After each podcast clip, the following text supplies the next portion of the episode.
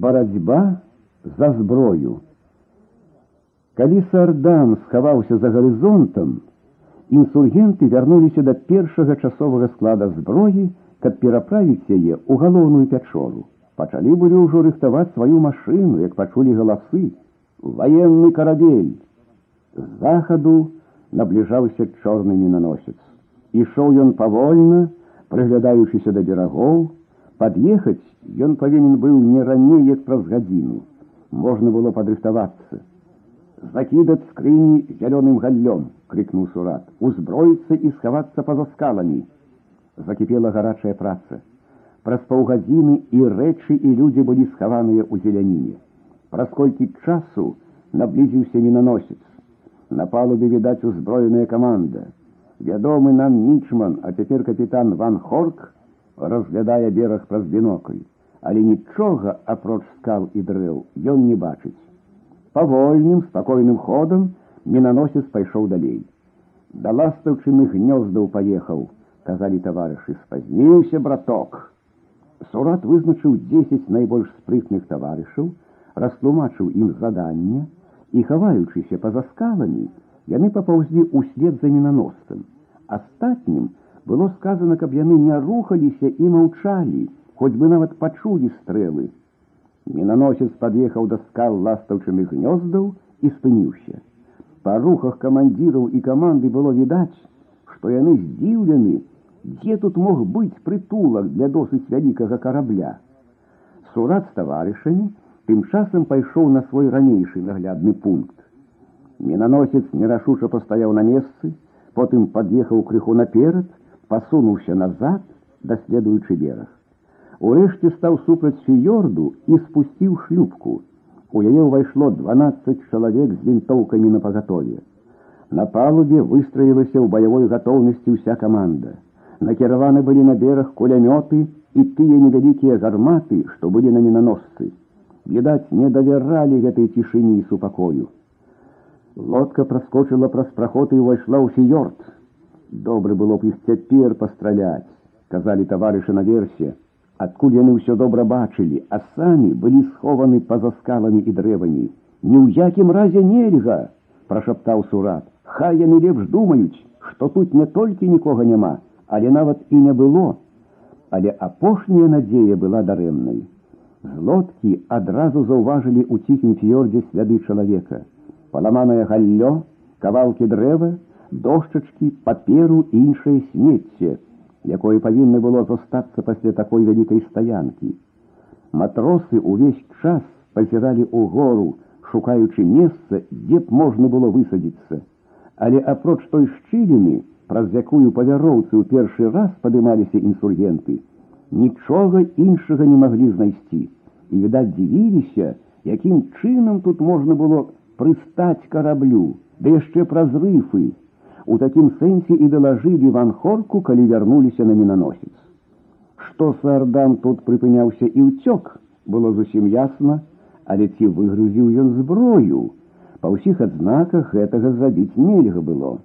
А між тым гэты гоно казаў, што яны выгружаліся, ламаў галаву ван хорк шкада што не пусцілі яго са мной а паслалі на нейкую іншую работу але так кідаць справу нельга трэба было абавязкова высадзіцца і абследаваць бераг тады мінаносец пачаў шукаць адпаведнага месца доўга ездзіў ён узад уперад пакуль знайшоў дзе сяк так можна было зачапіцца і месца гэтае было між малой і вялікай пячорамі сурат і яго дзесяць таварышаў так змарыліся, сочачы і поўзаючы следам за мінаносцам, што ледзь маглі рухацца.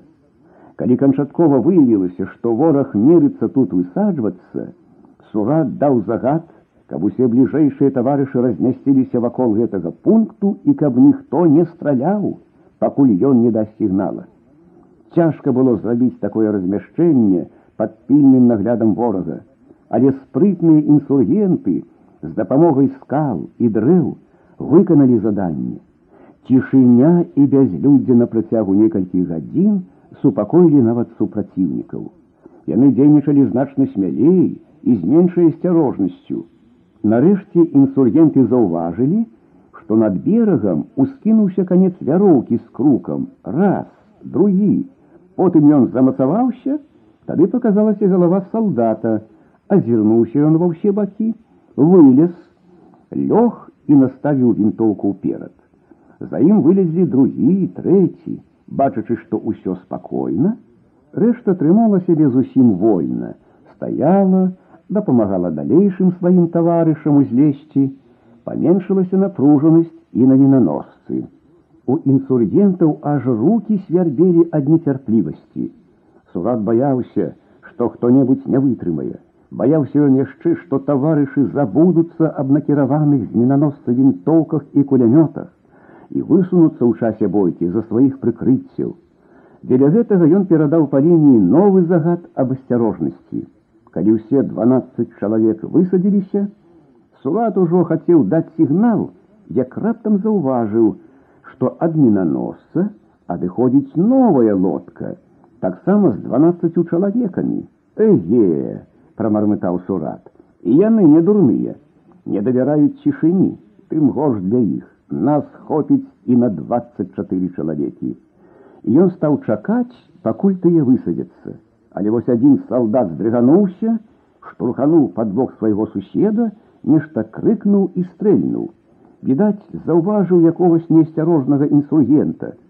У адказ затарахцелі стрэлы сотні вінтовак, і праз некалькі хвілін 11 чалавек дрыгалі на беразе, прабітыя кулямі, а 12 скуліўся ў ваду.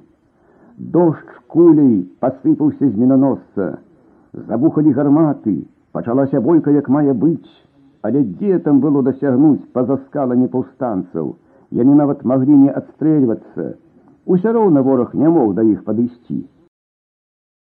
А тым часам сам мінаносец быў добрай мішэнню. На ім ужо было некалькі забітых і параненых. Ван Хорк хутка ўбачыў, што пры такіх умовах біцца немагчыма і ад'ехаў далей. Тым болей, што па стэлах было відаць, што інсургентаў вельмі многа. Бойка спынілася, з мінаносца паляцела радаю пра здарэнне. Тады інсургенты ўспомнілі, што ў іх ёсць гармата. Яе не маглі перанесці як іншую лёгкую зброю і павінны былі цягнуць навокал па лагчынах. У адной такой лагчыне і стаяла яна цяпер. Ваяваць дык ваяваць, жартавалі інсургенты, прымаючыся за гармату. Зараз жа вылучылі найлепшых артылерыстаў, якія і пачалі прыстасоўваць гармату. Але адразу выявілася, што ў іх не хапае ведаў для такой справы. Просто страляць яны умелі, але тут трэба было страляць з лагчыны па цэлі, якой не было відаць. Трэба было рабіць матэматычныя вылічэнні. Адна толькі была важная перавага. Мінаносец стаяў на месцы і не думаў аб такой неспадзеўцы. Перш за ўсё трэба было вылічыць адлегласць да цэлі. Прылада для гэтага была, але ўжываць яе нашы ваякі не ўмелі, пачалі калектыўна абмяркоўваць, як яе скарыстаць. Адзін бачыў, як ёй карыстаўся афіцэр, другі бачыў бліжэй. Трэцяму нават самому трапілася прыняць удзел у карыстанні ёю. Калі складзе разам усе веды, ды папрактыкаваліся, то сяк так вылічылі адлегласць. Але вось калі дайшла справа пад якім кутом страляць, бо гармата стаяла ў лагчыне, дык тут ужо зусім не хапала ведаў, а цэль стаяла на месцы, не рухалася. Мудравалі доўга, прыпомнілі ўсю сваю практыку, наставілі вадай на ўздагад, десяткі разоў прыгледжваліся, наладжвалі і бухнулі. Невядома, хто болей здзівіўся, інсургенты ці галандцы, калі снарад неспадзявана знёс палову трубы і радыёвыя мачты артылерысты нават вачам сваім не поверылі. Бываюць жа такія выпадкі, здзівіўся сурат. Значыцца шчасце на нашым баку, радасна казалі неспадзяваныя героі. Але ж затое і ўз'еўся мінаносец. Так пачаў дзяўпсці з гарматаў скалы, за якімі схавалася артылерыя, што нават прыйшлося уцякаць адтуль, а потым ледзь-ледзь завярнуўся і папоўз дадому. Інсургенты зусім забыліся на асцярожнасць павыскаквалі за скал, сталі крычаць, страляць, і за гэта двое былі паранены. Першая бойка выйграна і выходзіць зусім не страшна, нават лёгка. Як жа пасля таго не спадзявацца на канчатковы поспех? Ну-ну, не надта радуйцеся, уціхамірваў сурат. Паглядзім яшчэ, што будзе праз некалькі дзён. Не баімося, хай толькі сунуцца, храбрыліся хлапцы. А цяпер адпачнем крыху, ды возьмемся за далейшую працу. Невядома, ці паспеем да таго часу знесці ўсю зброю ў адно месца. Машину, машину наладжваць, весело загулі таварышы. Відаць, яна ім вельмі спадабалася, хоць і вымагала надзвычайнай працы і напружанасці. Пакуль яе наладзілі, прайшло гадзіны са тры. Тым часам група таварышаў падышла да забітых ворагаў, з 11 чалавек толькі два былі белыя. Рэшта былі свае браты, тубыльцы, праўда, з розных мест, з барнео, цэлебеса, балі, мадуры, але ўсё ж такі свае. Якая прыкрасць, як гэта не разумець, што лепш загінуць у бойцы з ворагам, чымся сваім братам, прамовіў адзін з тых двух тубыльцаў, што нядаўна далучыліся. А чаму ж ты не ішоў, пакуль цябе не скрыўдзілі і не выгналі, усміхнуўся сурат. Дурны быў несвядомы, Вось яны такія самыя. Супраць такіх нам лепей было б выступаць са словам, чымся са зброяй. Я вельмі шкадую, што мы не паспрабавалі гэтага зрабіць. Небаракаў спусцілі ў мора. У гэты дзень прыйшлося працаваць толькі дзве гадзіны. Затое ўвесь наступны дзень праца ішла з адным невялікім перапынкам. На трэці дзень разведчыкі заўважылі ворага, які набліжаўся ўжо з поўначы сярэдзіны вострава. Спачатку было заўважана чалавек 10. Калі іх абстралялі і затрымалі, то праз некалькі часу да іх далучылася ўжо чалавек 40 нават з кулямётам. Гэта была ўжо спецыяльная ваенная экспедыцыя. Але нашы таварышы зусім не спалохаліся яе. Усе перавагі былі на баку інсургентаў і колькасць і зброя і мясцовасць. Праз некалькі гадзін на кіламетры тры ад лагера інсургентаў стварыўся фронт. 80 чалавек, схаваныя па-за скаламі, у цяснінах з кулямётамі, лёгка затрымалі далейшы наступ варожага атраду. Толькі 20 чалавек былі пакінуты на беразе ля зброі. Два дні ішла перастрэлка. Інсургенты былі ўпэўнены, што такім чынам яны могуць трымацца доўга, хоць бы нават вораг павялічыўся ў некалькі разоў. Але чакаць, пакуль ворагу прыйдзе падмацаванне, было небяспечна. Трэба было зараз жа, карыстаючыся цяперашняй перавагай, прагнаць яго, Нарада актыўных таварышаў пад кіраўніцтвам сурата пастанавіла самім перайсці ў наступ. Дзеля гэтага вылучылі 40 чалавек і накіравалі іх на ўсход, каб ахапіць ворага з іх левага фланга. У гэтай справе надзвычайную карысць маглі даць тыя два новыя таварышы тубыльцы, якія жылі ў гэтай мясцовасці. Яны абяцалі праз ноч правесці атрад не толькі ў бок, але і ў тыл ворага, Дзеля рашучага наступу сурат узяў з берага яшчэ 15 чалавек, лічачы, што з мора не можа быць пагрозы. Гэтую ноч ніхто не спаў. Усе рыхтаваліся да рашучых падзей, перамяшчаліся бліжэй да ворага.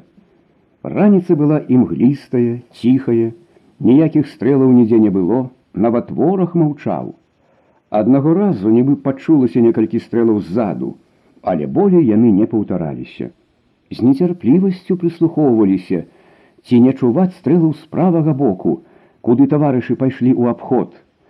Але заместа правага фланга пачуліся стрэлы з левага, з захаду, далей болей. Нарэшце неспадзявана грукнула гармата з мора. Зараз жа актывізаваўся вораг наперадзе, рыхтуючыся перайсці ў атаку. Жах ахапіў таварышаў на фронте. Што гэта такое? адкуль яно чаму маўчаць тыя што пайшлі ў абход страляніна злева ўсё ўзмацнялася наперадзе таксама вось ужо то адзін то другі салдат перабягаюць па-за скаламі каб падысці бліжэй у гэты момант пачуліся стрэлы з правага боку вораг наперадзе прыпыніўся і замітусіўся нашы нашы пачалі ім даваць збоку радасна закрычалі інсургенты але сурата і яго памочнікаў гэта мала радавала. Гарматныя стрэлы з мора не вельмі непакоілі. Высадку з мора маглі затрымаць нават тыя пяць таварышаў, што засталіся на беразе, але гэта страляніна на левым флангу. Тут прыбег засопшыся таварыш. З левага боку наступае новы атрад, вялікі, куды болей за наш, нашы адсоўваюцца сюды. Значыцца, мы разам адзін аднаго абышлі, сказаў сурат, але ж адкуль новыя сілы, да яшчэ столькі, калі гэта праўда. Страляніна злева хутка набліжалася. Шчасце яшчэ, што таварышы справа стрымліваюць пярэдніх. Сурат пабег на левае крыло і ўбачыў, што наперадзе ад скалы да скалы перабягаюць сапраўды шмат людзей, мусіць не меней як сто чалавек. Двадцать чалавек інсургентаў паступова крок за крокам адыходзілі назад. Фронт усё адхіляўся і нарэшце стаў поперак.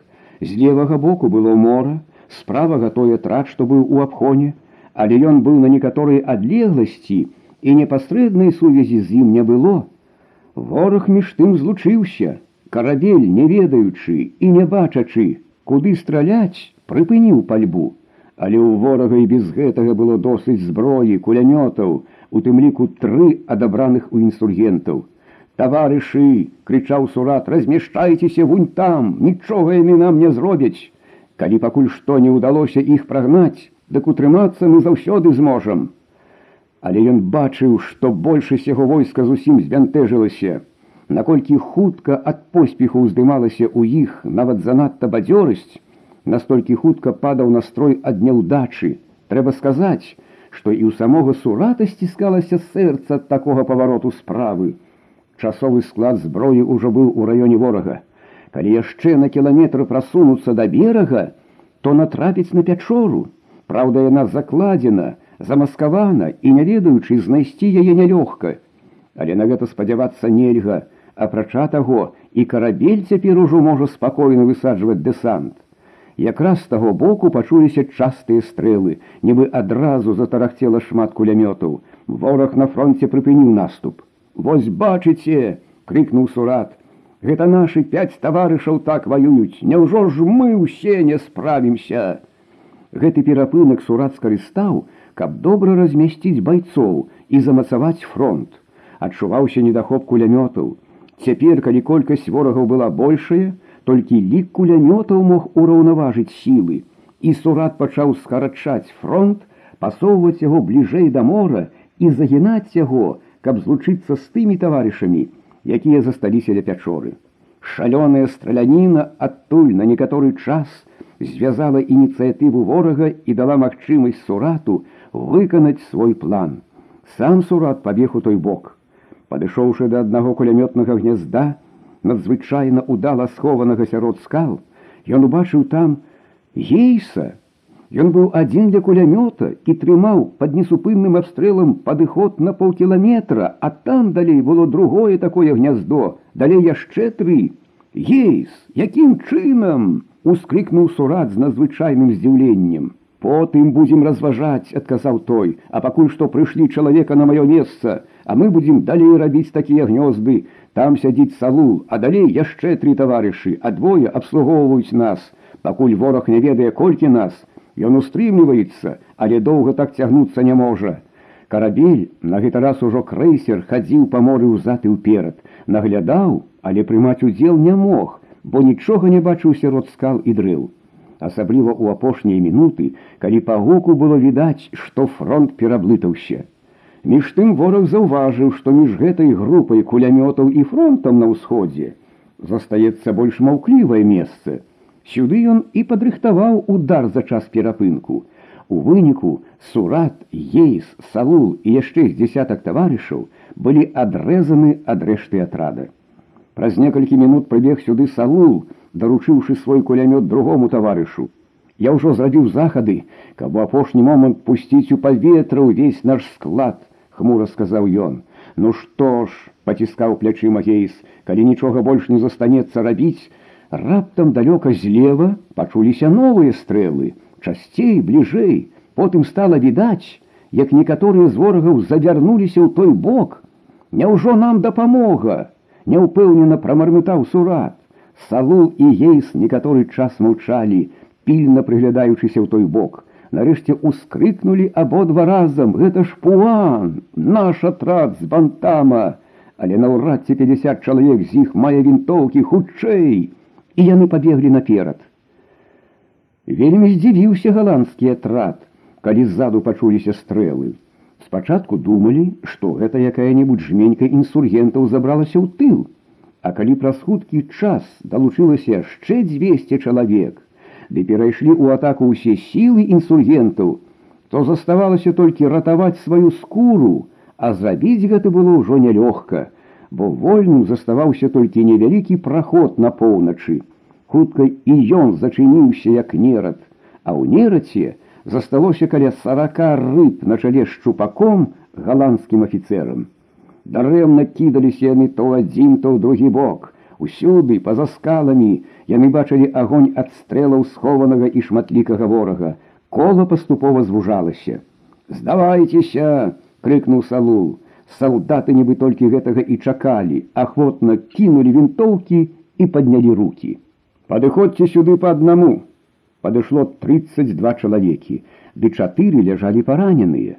Заставаўся толькі галандскі афіцэр. Ён трымаў у дрыжачай руцэ рэвальвер і час ад часу падымаў яго быццам збіраючыся страляць не то ў ворага, не то сам сабе ў лоб. Не варта губіць сябе, крыкнуў яму салул мы вас толькі возьмем у палон, каб потым абмяняць на сваіх, лепш здавайцеся. Нарэшце і афіцэр кінуў рэвальвер, а потым і шашку. Апроч афіцэра, усе палоннікі былі яванцы. Яны былі рады, што справа скончылася такім чынам і глядзелі на сваіх пераможцаў без жаху, але з нейкім вінаватым выглядам. Таварышы, звярнуўся да іх салу, вы ведаеце, хто мы такія, і за што змагаемся. Таксама вы ведаеце, хто вы і за каго вы змагаецеся. У кожным разе вы нашы браты, і шкоды мы вам рабіць не будзем. Хай кожны з вас прыслухаецца да свайго сумлення і вырашыць. Ці ісці дадому, зразумела без зброі, ці застацца ў нас. Мы пачакаем некалькі хвілін. Можна лёгка уявіць сабе, што перажыў кожны з тых людзей у гэтыя хвіліны. Усе яны ў глыбіні сэрца спачувалі сваім самахвярным братам і жадалі ім поспеху, але пайсці на здраду супраць закона, рызыкаваць карай смерцю, на ўсё гэта адразу адважыцца было цяжка.